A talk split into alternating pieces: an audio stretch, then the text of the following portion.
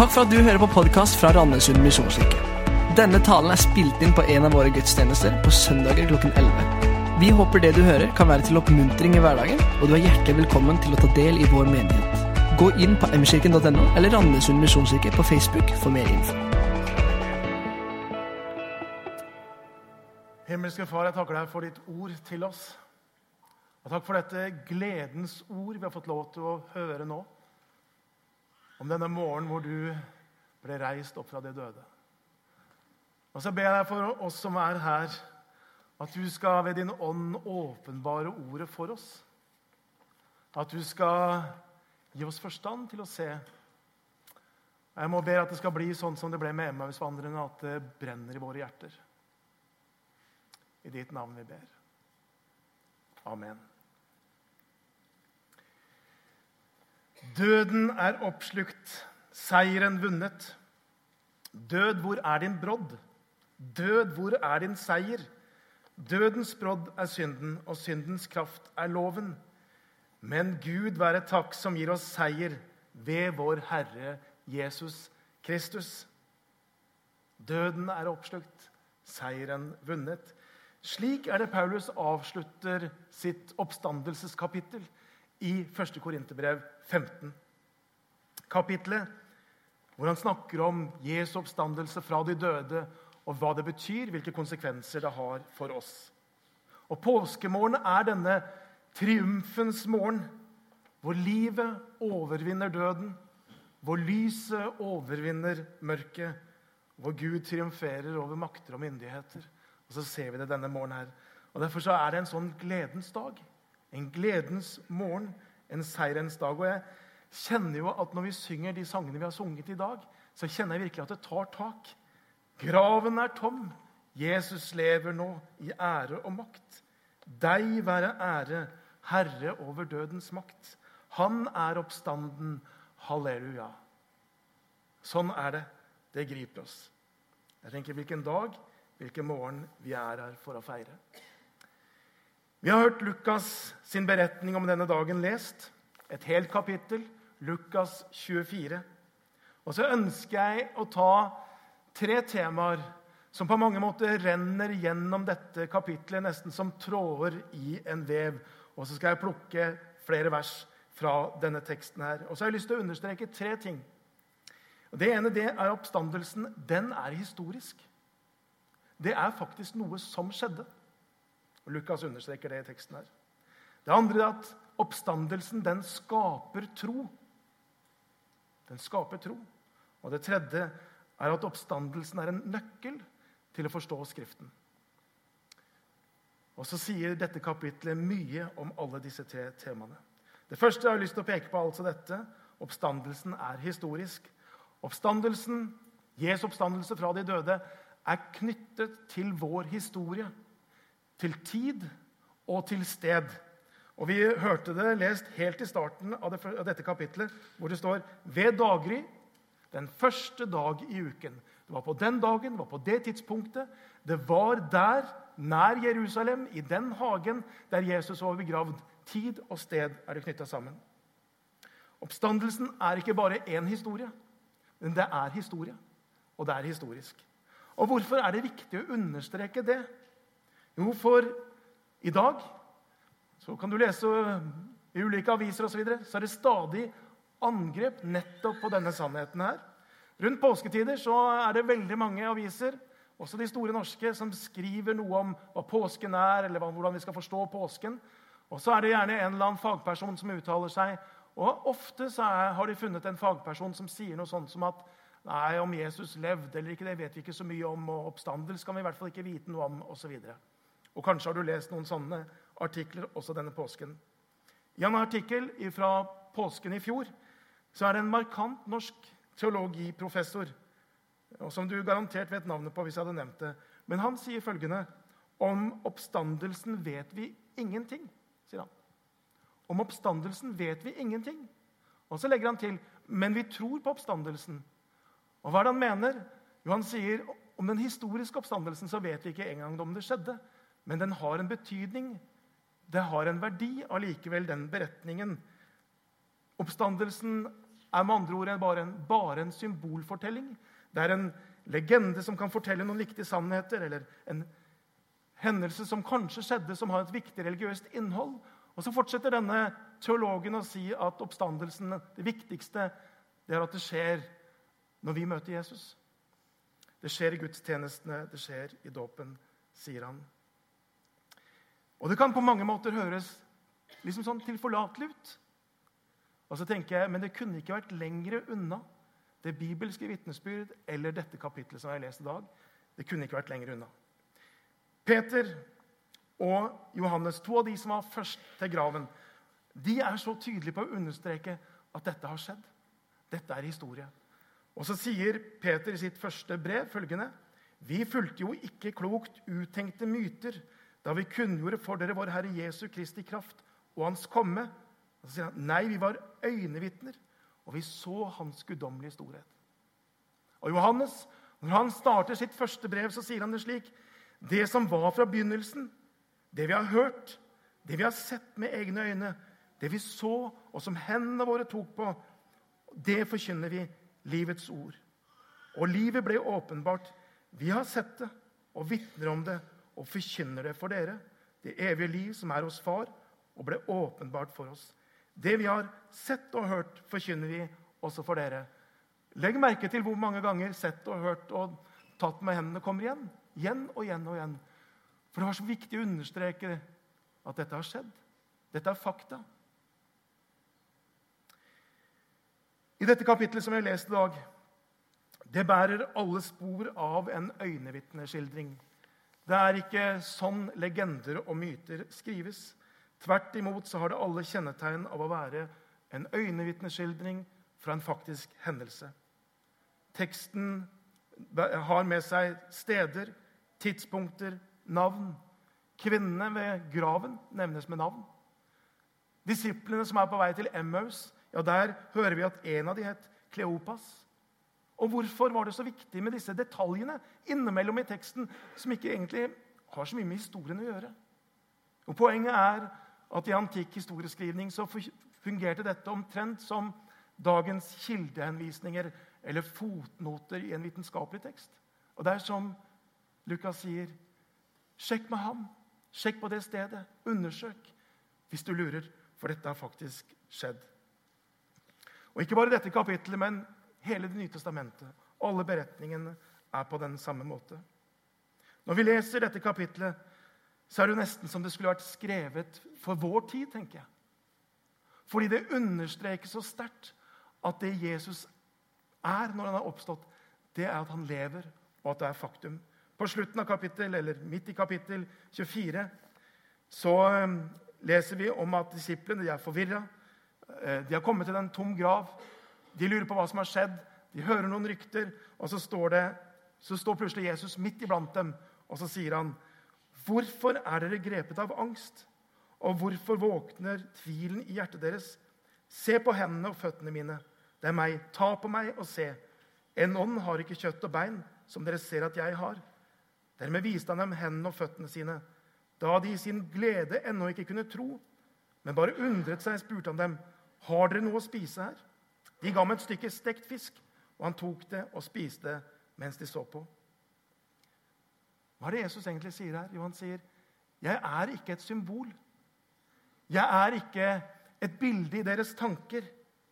'Jeg er her, kjøtt og blod og bein', sier han. 'Ta på meg.' Se, kjenn på meg. Gjør det du trenger for at du skal vite at jeg har faktisk stått opp, og at det er en faktisk hendelse. Jesus understreker det igjen og igjen. Og så stiller han til og med spørsmålet har du noe å spise. Og så får han et stykke stekt fisk, og så spiser han. Hva var poenget med det? Hva er på en måte eventuelt en slags åndelig symbolsk betydning? Ja, ikke annet enn dette som er utrolig viktig, at Jesus ville understreke at jeg er faktisk her. Jeg har stått opp, og jeg lever.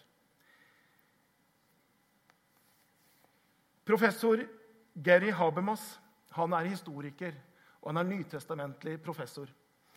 Og Gary Habermas han har brukt hele livet sitt på å undersøke dette som har med på en måte historiteten rundt Jesu oppstandelse Han har undersøkt 1200 vitenskapelige artikler om dette her, fra vitenskapsfolk, eh, kristne, men også ikke-kristne. Og så har han stilt spørsmålet hva er det man er enige om. Hva er det det viser? Og så sier han følgende Jo, uansett om disse historikerne tror eller ikke tror, så er de enige om noen ting. Det ene det er at Jesus han ble drept av den romerske makten. Det er man enige om. Et annet punkt det er dette at disiplene må ha hatt en erfaring at de møtte den oppstandende. Den erfaringen må de ha hatt. Det tredje det er dette at disiplene de ble forvandla fra en panikkslagen flokk til frimodige vitner. Det må ha skjedd. Skeptikeren Paulus, som forfulgte de kristne, der skjedde det noe. Han sier han møtte den oppstandende som gjør at han blir en kristen. Og så fortsetter han med punkt etter punkt etter punkt på den måten der. Og så stiller man da spørsmålet og hvilken vitenskapelig hypotese kan best forklare de vitenskapelige måte, fakta som vi er enige om? Og så er det mange ulike hypoteser på det. At Jesus ikke allikevel døde på korset. At noen stjal, kanskje disiplene stjal Jesu kropp. At oppstandelsen bare er en myte. Men poenget er at ingen av de forklaringene er gode. Og Gary Habermas han sier at den beste, den enkleste, den forklaringen som, som, på en måte kan samle alle disse historiske beviser, ja, det er den vi har her. At det er sant, det som vi leste. At det er sant, det som vi tror på. Og Han sier følgende i sin bok 'The Case for the Resurrection of Christ'. De ytre beviser for Jesu oppstandelse bekrefter de sannheter som vi har i Bibelen, sier han. Så Det første poenget jeg har lyst til å gjøre, det er dette, og som jeg tenker dette kapitlet understreker igjen og igjen på så mange måter. Oppstandelsen, den skjedde. Den er historisk. Det andre jeg har lyst til å peke på, det er dette at oppstandelsen den skaper tro. Og det er viktig, for man kunne jo fort tenkt seg at det var omvendt. På en måte sånn at, at det er mye man kunne blitt fascinert av av den kristne tro. Men liksom det siste hinderet en søkende må over, det er liksom å blindt akseptere oppstandelsens under. At det er liksom det vanskeligste hinderet å klyve over. Men faktumet er at så mange mennesker, både da og nå, de har sett inn i dette. De har undersøkt, de har lest, og så oppdager de tvert imot at oppstandelsen den er en kilde til tro. I kapittelet så leste vi om disse som møtte eh, den tomme graven. Og så skjønner vi når vi leser teksten, at de var ikke sånne som hadde veldig lett for å tro, de heller. Om kvinnene så står det at de visste ikke hva de skulle tro. når de kommer til den tomme graven. De visste ikke hva de skulle tro. Og disiplene som møter kvinnenes vitnesbyrd Kvinnene sier 'graven er tom', og vi har møtt noen engler som sier sånn. Disiplene, disse fromme mennene, de sier ja, de tror det bare er løst snakk. De trodde ikke på dem. Og igjen og igjen gjennom teksten så ser vi det, at de hadde så vanskelig for å tro. For det var ikke det de på en måte en gang hadde turt å håpe på. Det var ikke det de hadde forventa, selv om Jesus hadde sagt det mange ganger. Vi tenker noen ganger at, at den gangen så var folk så lettroende. De trodde på alt mulig den gangen. Men det er ikke sånn. Jeg er sikker på at de var like skeptiske de, som det du og jeg er. Og Allikevel så ser vi det at når de får lov til å møte Jesus, når de får lov til å ta på ham, når de får lov til å kjenne på ham, ja, så skjer det et skifte. Og så kommer de til tro, og så hører vi på de siste versene. Så er de fylt av glede, og så tilber de i tempelet. Og så har det skjedd noe med dem, fordi de fikk lov til å møte den oppstandende. Og Slik tror jeg det også er med oppstandelsen i dag. Jeg har en slags naiv tro på at det mennesket som virkelig ærlig og oppriktig søker inn i det bibelske vitnesbyrd, og gjerne det historiske vitnesbyrd om Jesu oppstandelse, ja, de kommer til å lande på en eller annen måte i noe av denne troen her. En ung mann fra Kristiansand, Leif Egil Reve heter han. Kanskje noen av dere som kjenner han. Men han delte sitt vitnesbyrd i fjor høst en, eh, i en artikkel under navnet 'Hvordan en ateist blir overbevist om Jesu oppstandelse'.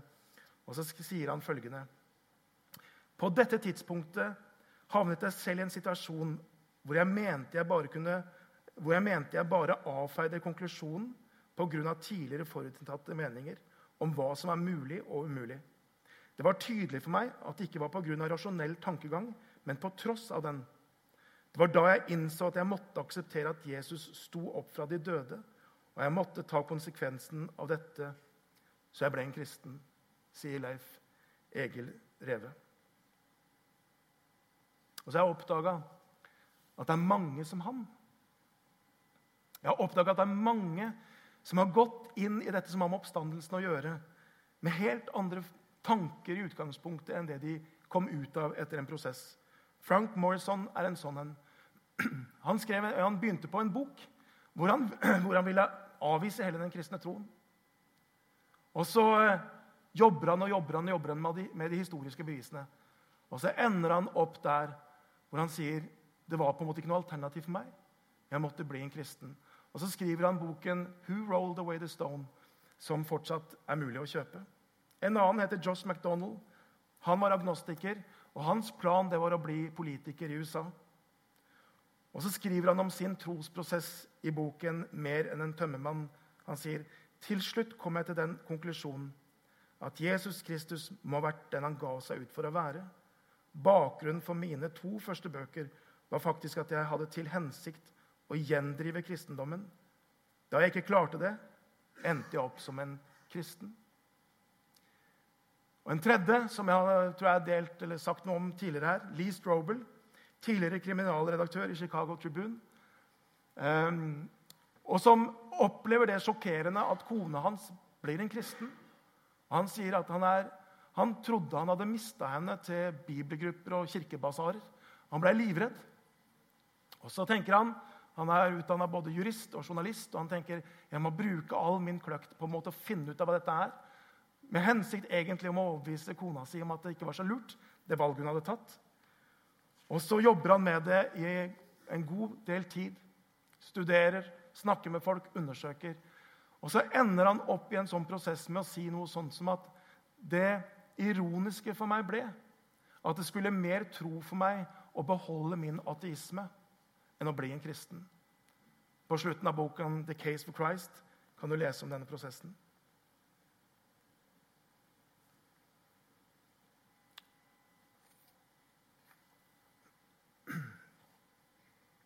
Og Jeg tror egentlig at det er på samme måte i mitt eget liv. En tale første påskedag da jeg var 15-16 år, siden, 15 år, i min hjemmemenighet i Mjøndalen, så brukte predikanten Eh, for øvrig var det Bjørn Eivind Fjell. Han brukte en vesentlig del av den talen til å gå gjennom noen av på en måte disse bevisene for at Jesus må ha stått opp. Om den tomme graven, om den korte tiden mellom øyenvitneskildringer og de faktiske hendelser, om forvandlingene det hadde på disiplene, osv. Og, så gjorde det noe med troen min som 15-16 år gammel som gjorde at det, der, det ble et sånt fundament for min tro og for mitt trosliv. Og Hvis noen spør meg i dag hvorfor er jeg en kristen, så er det ikke fordi at det alltid føles så veldig godt. For det gjør ikke alltid det. Jeg har ikke alltid gode følelser. Jeg har ikke alltid gode vibber. Ikke er jeg så veldig følsom av meg. Og Noen ganger så er følelsene litt sånn både kleine og litt sånn nedstemte. skjønner du? Det, det er ikke følelsene mine som gjør at jeg er en kristen. Det er heller ikke det at livet alltid blir lettere. Ja visst opplever man at Gud er der med sin omsorg. Men noen ganger så tenker jeg livet det er ganske vanskelig også. Men hva er det? Jo, for det er jeg er dønn overbevist om at det er sant, det som står her. Og fordi det er sant, så på en måte faller alt annet inn i orden og rekkefølge. Det var oppstandelsen fra de døde som var den sannhet som de første kristne forkynte. Det var den sannheten de første kristne levde for. Og det var den sannheten de var villige til å dø for. Og Blair Pascal, fysikeren og matematikeren hans, har sagt en gang jeg har tillit til de vitner som fikk sin hals skåret over. De hadde ikke noe å tjene på å stå fram og vitne om at Jesus var oppstått, hvis det ikke var sant. Oppstandelsen er historisk. Oppstandelsen skaper tro. Og for det tredje jeg tror oppstandelsen er en nøkkel for å forstå Skriften. I Romerbrevet kapittel 1 og vers 4 så står det et veldig interessant vers. Og For der står det om Jesus som ved hellighets ånd stadfestet som Guds mektige sønn ved oppstandelsen fra de døde. Fikk du med deg det? Oppstandelsen fra de døde det er Guds måte å stadfeste på at Jesus er Guds mektige sønn. Og det blir interessant. Fordi oppstandelsen fra de døde gjør at alt Jesus har sagt, kommer i dette lyset. Og Vi ser det helt i begynnelsen av kapittel 24 i Lukas, som vi har hørt lest. Vi står det at Noe av det som englene pekte tilbake på når de møter kvinnene der, det var følgende Husk hva han sa. Og så står det da husket de hva Jesus hadde sagt. Poenget er at etter oppstandelsen så kommer alt det Jesus har sagt, i et helt nytt lys. Det kommer et helt nytt perspektiv. Og plutselig så skjønte de mer av hva Jesus hadde sagt. Det ble relevant på en helt ny måte. Når vi kommer til Lukas 24, eh, i, midten her, så leser vi hvordan Jesus vandrer sammen med disiplene til Emmaus. Og Så står det at han begynner å utlegge for dem det som står skrevet om han, altså Jesus, i Skriftene, helt fra Moses av og hos alle profetene. Hvordan skal vi som moderne kristne forholde oss til Det gamle testamentet? Det er jo et vesentlig spørsmål. Og Egentlig så er mitt svar ganske enkelt. Jeg har lyst til å forholde meg til Det gamle testamentet slik som Jesus forholdt seg til Det gamle testamentet. Hva betyr det? Jo, det betyr at det er Guds åpenbarte ord. Det er Gud som har talt. Dypest sett så skjønner jeg her av det Jesus sier, at Det gamle testamentet det peker fram mot Jesus. Det står at han begynte å utlegge for dem det som står om han, altså Jesus, i alle skriftene, helt fra Moses av og hos alle profetene. Og så må vi forstå Den gamle testamentlige åpenbaring i lys av Kristus. Og lese det i lys av Kristus. Men min teologi på dette punktet er ganske enkelt. Jeg ønsker å ha samme syn på Skriften, både på Det nye testamentet og Det gamle testamentet, som Jesus hadde. Før oppstandelsen kunne nok disiplene ha tenkt hvor har nå Jesus dette fra? Er det nå så sikkert at Jesus helt vet hva han snakker om? Og Et par ganger så ser vi hvordan disiplene, disippelflokken de liksom er litt sånn uenige eller de, de lurer litt på hva Jesus sier. En gang så sa de Jesus, dette er harde ord. står det. Og så var det mange som forlot ham. En annen gang så er det Peter som liksom må ta Jesus til side og irettesette ham fordi Jesus snakker om at han skal lide og dø og stå opp. De på en måte kunne argumentere mot ham. Men jeg tenker etter oppstandelsen så er det på en måte et sånt vendepunkt i dette. For da er det som om Gud setter sitt godkjentstempel på Jesu ord og sier han taler mine ord. Det er sant, det han sier. Og så nytter det egentlig ikke lenger å argumentere mot ham. I oppstandelsen så stadfester Gud at Jesus er den han sa han var. I oppstandelsen så godkjenner Gud at Jesus døde på korset, og at det var det fullkomne offer. I oppstandelsen så bekrefter Gud at Jesu ord er Guds ord. Så når Jesus er oppreist fra de døde, så må vi fortåle oss til hele Skriften, tenker jeg, ut ifra dette perspektivet. Og det gir Bibelen, det gir Skriften, en overordnet autoritet. Eneste rettesnor for liv og lære, sier vi i Misjonskirken. Det har med dette å gjøre. Fordi Gud viser at Jesus er den han sa han var. Om ikke Jesus har stått opp, om ikke eh, måte oppstandelsen er reell, om ikke den er riktig, om ikke det var helt sånn, ja, da kan jeg jo forholde meg til Bibelen på litt sånn plukk og miks-metoden. Da Da kan jeg plukke med meg den gylne regel og ord om kjærlighet fra 1. Korinterbrev 13, men velge bort det jeg ikke vil ta med meg. Det som står om penger, kanskje. Eller kanskje det som står om sex. Eller om gjestfrihet eller baktalelse. Det lar jeg ligge. Paulus visste sikkert ikke helt hva han snakket om. Jeg kan ta med meg det som står om Guds omsorg, men det som står om Guds hellighet, ja, det kan jeg la ligge. Sånn kunne vi ha forholdt oss til det hvis Jesus ikke hadde stått opp. Men nå har Jesus stått opp, og da er det annerledes. Da er det ikke opp til meg å velge lenger hva jeg liker, hva jeg ikke liker, hva jeg vil velge bort. Jeg tenker Noen ganger så ville jeg ønske at det var sånn, at jeg kunne velge bort. Men det er ikke opp til meg å gjøre det. For jeg kommer ikke forbi dette faktum at Jesus er oppstått. Og da gjør det det underordna om jeg liker det eller ikke. Jeg kan streve med å forstå det. Mye og mange ganger. Jeg kan streve med å sette sammen det jeg opplever som motsetninger i Skriften. Jeg kan streve med å få dette til å leve i mitt eget liv. Big time. Jeg kan streve med å formidle det på en god og rett måte. Men jeg må på et eller annet vis forholde meg til at Jesu ord er Guds ord. Jeg må forholde meg til at Jesus han bekrefter Det gamle testamentet. Det var hans bibel. Den siterte han fra. Den brukte han. Jeg må forholde meg til det.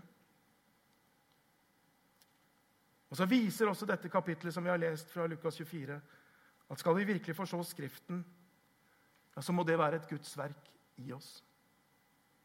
Skal Bibelen bli mer enn trykksverte på papir, så er det Guds ånd som må levendegjøre ordet for oss.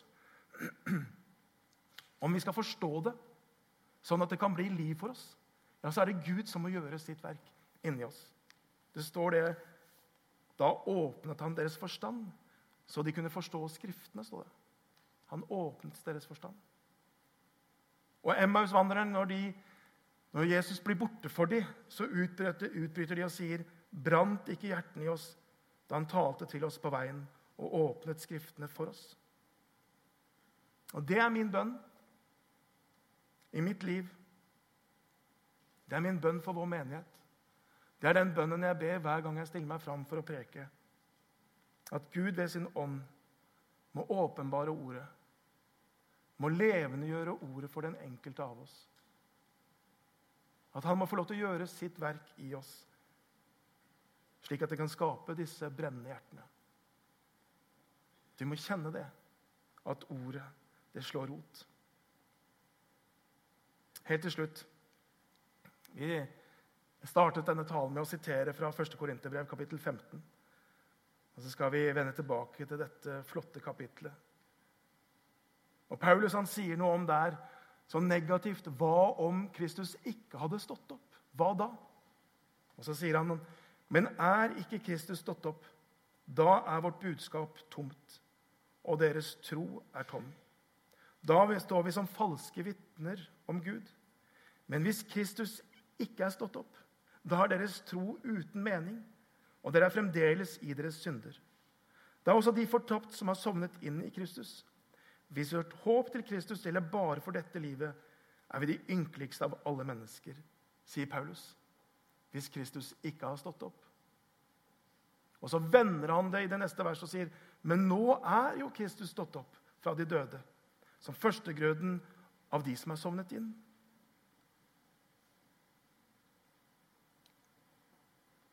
Paulus, Skriften, slår fast at Kristus er stått opp. Så hvis vi tar disse negative utsagn som Paulus har, og så snur vi det til det positive, hva får vi da? Jo, da står vi med følgende Kristus er oppstanden. Da er vi ikke døde i våre synder. Tvert imot. Han er død for våre synder og oppstått til vår rettferdiggjørelse. Da er apostlenes vitnesbyrd sant, og vi kan stole på de apostoliske eh, tekstene. Da er vårt budskap ikke forgjeves, og vår tro er ikke tom. Tvert imot, vår tro er meningsfull. Da er det ikke fortapt, de som er sovnet inn i Herren Jesus før oss. Tvert imot, de har evig liv. Og det håp, det er også det vi har foran oss. Og så triumferer Paulus og sier Døden er oppslukt, seieren vunnet. Amen. Skal vi be. Kjære Jesus Kristus, jeg takker deg for denne sannheten her. Dette som vi får lov til å feire og glede oss over denne dagen her. At du er oppstanden. Takk for hva det gjør for våre liv her og nå. Takk for hva den har betydd for Kirken. Ja, Uten det hadde det ikke vært noen kirke. Takk, Herre Jesus Kristus, for at vi får lov til å leve i denne troen og med dette håpet. Du er oppstanden, og så har vi evigheten foran oss. Jeg ber, Herre Jesus, at du skal la ditt ord få lov til å slå røtter i våre liv. At du skal la ditt ord få lov til å få spirekraft. At du skal la våre hjerter brenne når vi leser ditt ord, Herre. Vi ber om det i ditt navn. Amen.